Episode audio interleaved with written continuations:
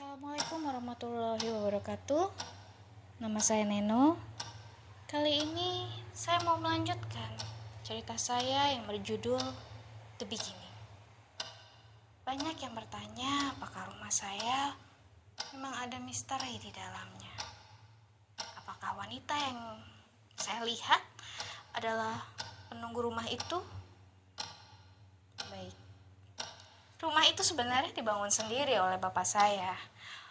Bapak saya membeli sebidang tanah, lalu perlahan-lahan membangun rumah itu. Karena memang pekerjaan bapak saya adalah seorang kontraktor. Saya sendiri pindah ke rumah itu ketika saya berumur 4 atau 5 tahun. Saya lupa pastinya umur berapa, tapi yang jelas saat itu saya masih belum sekolah. Dan saat itu ketika saya pindah, bangunannya baru jadi bagian depan saja. Sedangkan yang bagian belakangnya masih tanah kosong dan ada tembok pembatas rumah serta pohon rambutan di dekatnya. Dan ketika saya pindah, bangunannya baru ada kamar dua, satu dapur kecil, satu kantor, dan ruang tamu. Masih kecil saat itu. Saya tidak terlalu ingat apakah ketika saya pindah saya sudah mengalami pengalaman horor di rumah itu.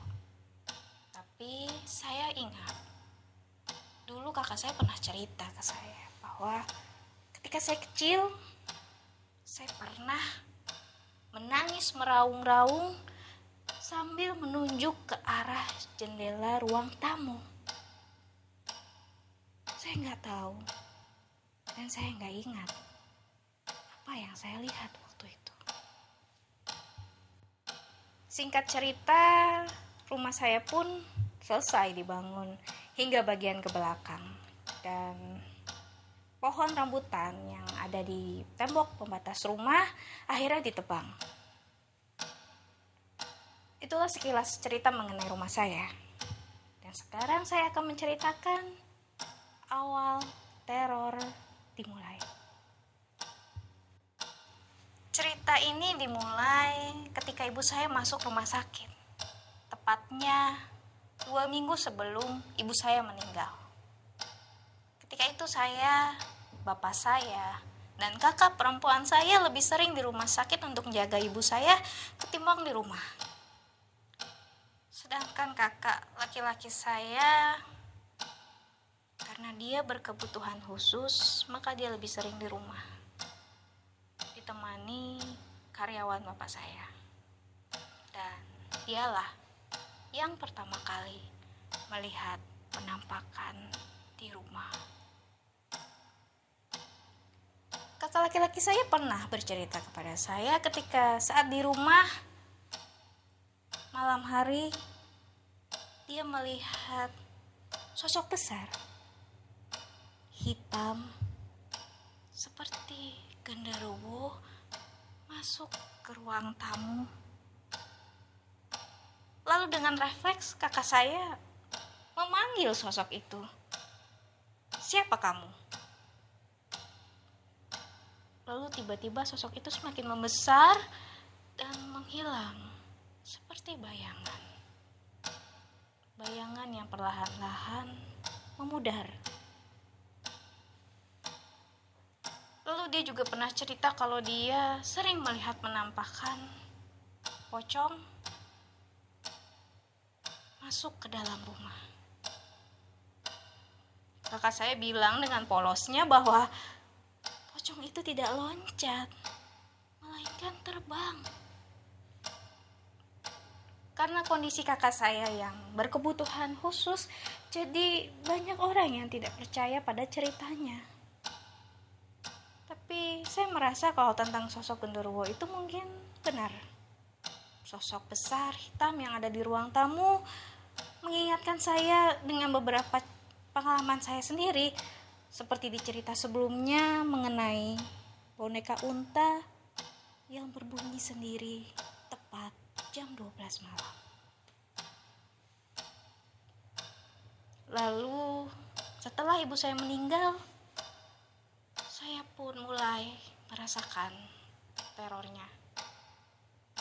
Bahkan tetangga-tetangga pun mulai melihat penampakan yang dari awal memang sebenarnya tidak ada apa-apa. Tapi secara tiba-tiba mereka melihat sesuatu. Suatu hari tetangga saya yang tinggal di belakang rumah pergi ke kebun. Kebunnya sendiri jaraknya dari rumah tidak terlalu jauh. Ketika ia hendak pulang, melewati tembok pembatas rumah saya, dia melihat sesuatu.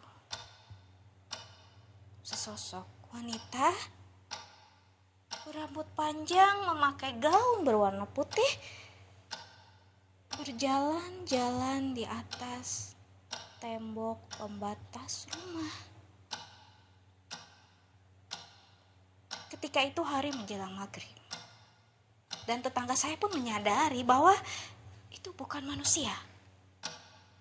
Karena ketika azan maghrib berkumandang pun wanita itu tiba-tiba terdiam dan menghilang seperti gumpalan asap yang tiba-tiba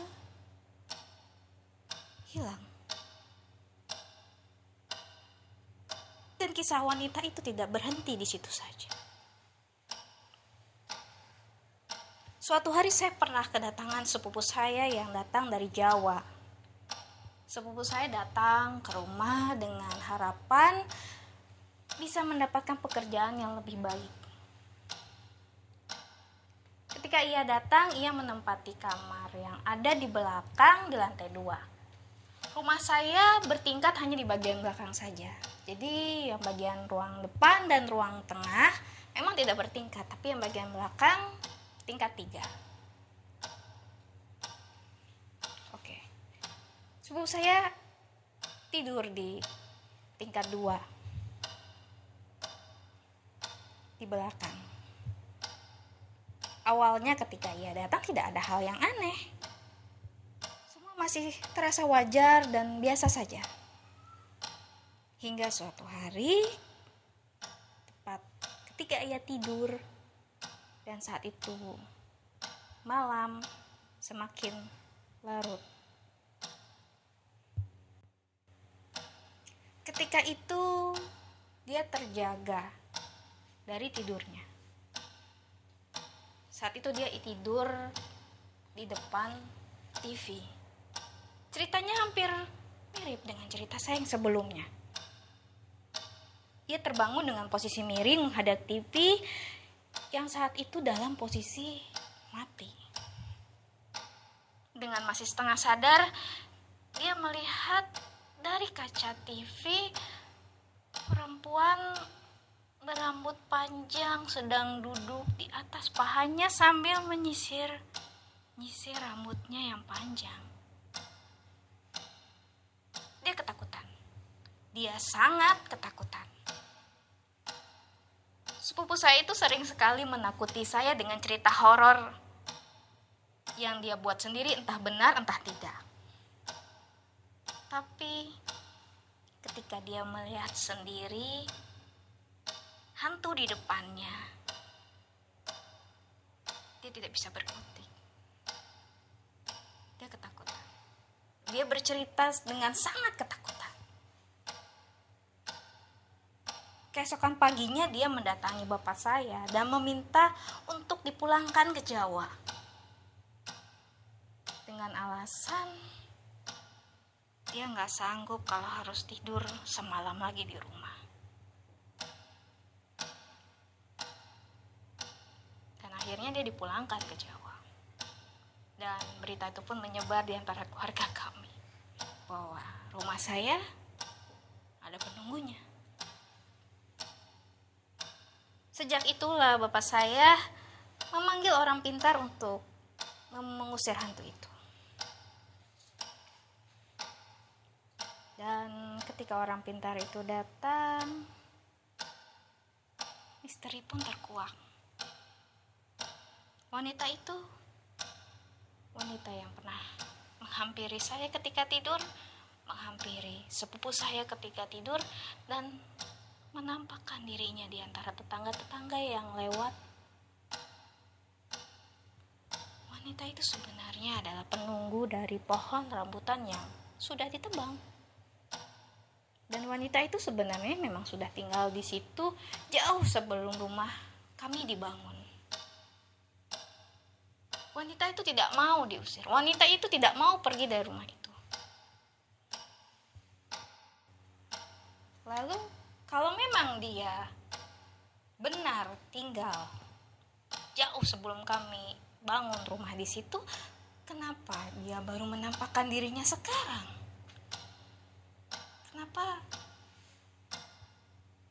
Kenapa nggak dari dulu? Kenapa harus sekarang? Orang pintar itu bilang bahwa itu semua karena ibu saya. Ibu saya adalah orang yang taat agama, ibu saya sering sholat, ibu saya sering mengaji ketika malam, ibu saya melindungi kami.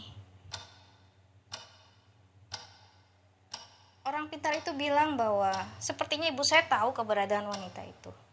Karena orang pintar itu berbicara dengan wanita itu dan mengatakan bahwa dia membenci ibu saya. Dia tidak bisa masuk ke rumah saya selama ibu saya ada. Dia hanya bisa mengganggu dengan suara-suara, dengan melempar batu, dengan mengetuk-ketuk pintu.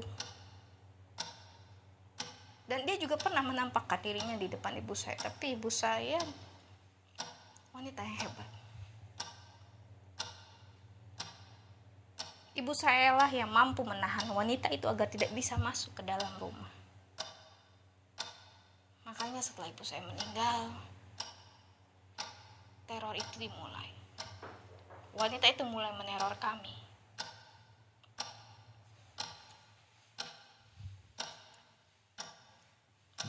Lalu orang pintar itu berkata bahwa dia tidak sanggup mengusir wanita itu. Kalaupun dia berhasil mungkin hanya sebentar. Wanita itu mungkin bisa saja kembali lagi.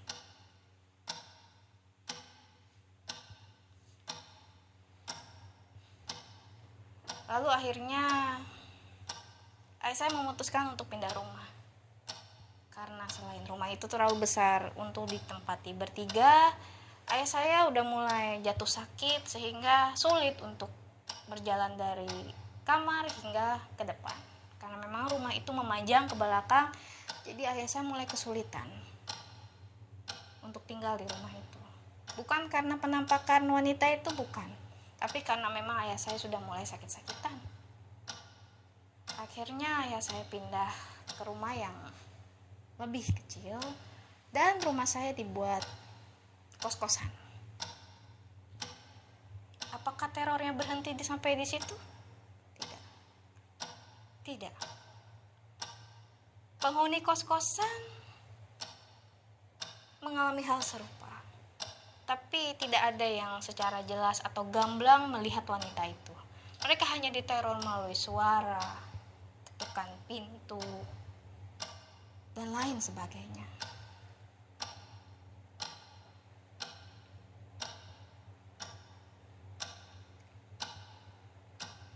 ayah saya memiliki seorang pegawai yang memang sudah bekerja kepada kami dari saya kecil hingga sekarang. Dan pegawai ayah saya itu diminta untuk mengurus kos-kosan. Karena banyak keluhan dari anak kos-kosan, akhirnya pegawai bapak saya memanggil keponakannya yang mengerti tentang hal itu.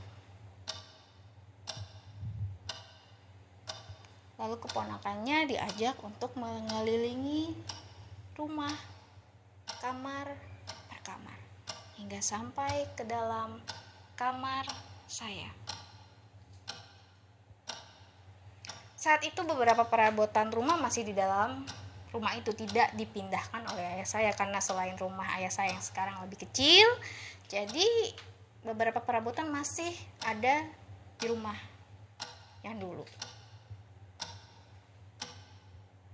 ketika keponakan pegawai bapak saya sampai ke kamar saya, dia melihat kaca yang ada di lemari kamar saya. Lalu ia berkata bahwa rumah saya itu adalah jalan pintas bagi mereka hal-hal gaib untuk bisa pindah dari alam mereka ke alam kita. Entah itu benar atau tidak, saya tidak tahu. Tapi itulah yang dikatakannya.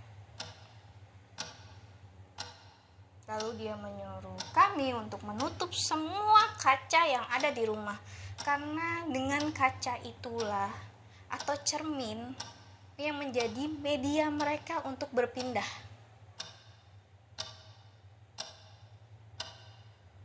Saya sempat mikir, Dulu saya pernah menelpon salah satu stasiun radio yang bisa menerawang rumah. Dan saya menelpon tidak cuma sekali. Saya nelpon berkali-kali dan setiap saya telepon, penghuni rumah selalu berbeda-beda. Kecuali lelaki bersorban yang saya ceritakan di awal. Dan orang yang bisa menerawang rumah itu bilang bahwa memang penghuni yang dia lihat setiap kali menerawang rumah saya selalu berbeda-beda karena mereka hanya numpang lewat. Make sense? Mungkin ada benarnya bahwa rumah saya memang sebagai jalan mereka untuk keluar masuk. Tapi saya tidak menuruti perkataan keponakan pegawai bapak saya saya tidak serta merta menutup semua kaca karena saya rasa itu bukan hal masuk akal.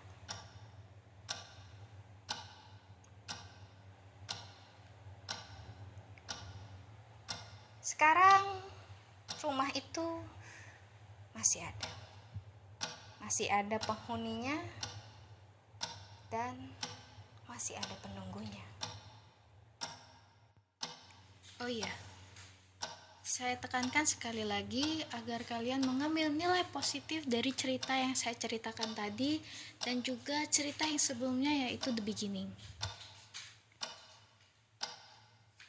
Saya harap kalian mengerti bahwa hal-hal yang ayah saya lakukan yang saya lakukan sebelumnya yaitu meminta menerawang rumah lalu bertanya kepada orang pintar itu bukanlah hal yang baik bahkan dalam agama pun itu tidak diajarkan. Ambillah nilai positif dari yang saya ceritakan tentang ibu saya. Bagaimana ia melindungi kami, bagaimana ia taat dengan agama, bagaimana ia rajin dengan sholat dan membaca Al-Qur'annya. Itu yang perlu kalian tahu.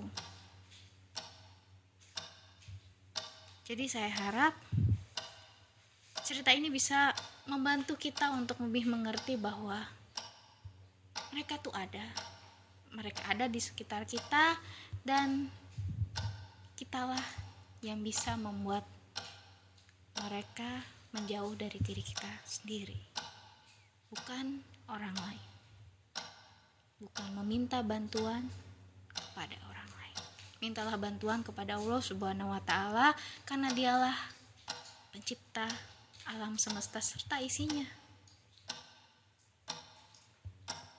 Jadi sekali lagi saya tekankan, ambil nilai positifnya dan buang negatif dari cerita saya yang tadi dan yang sebelumnya. Oke, sekian dulu cerita saya. Next time mungkin saya akan cerita beberapa hal mengenai saya sendiri. Terima kasih. Assalamualaikum warahmatullahi wabarakatuh.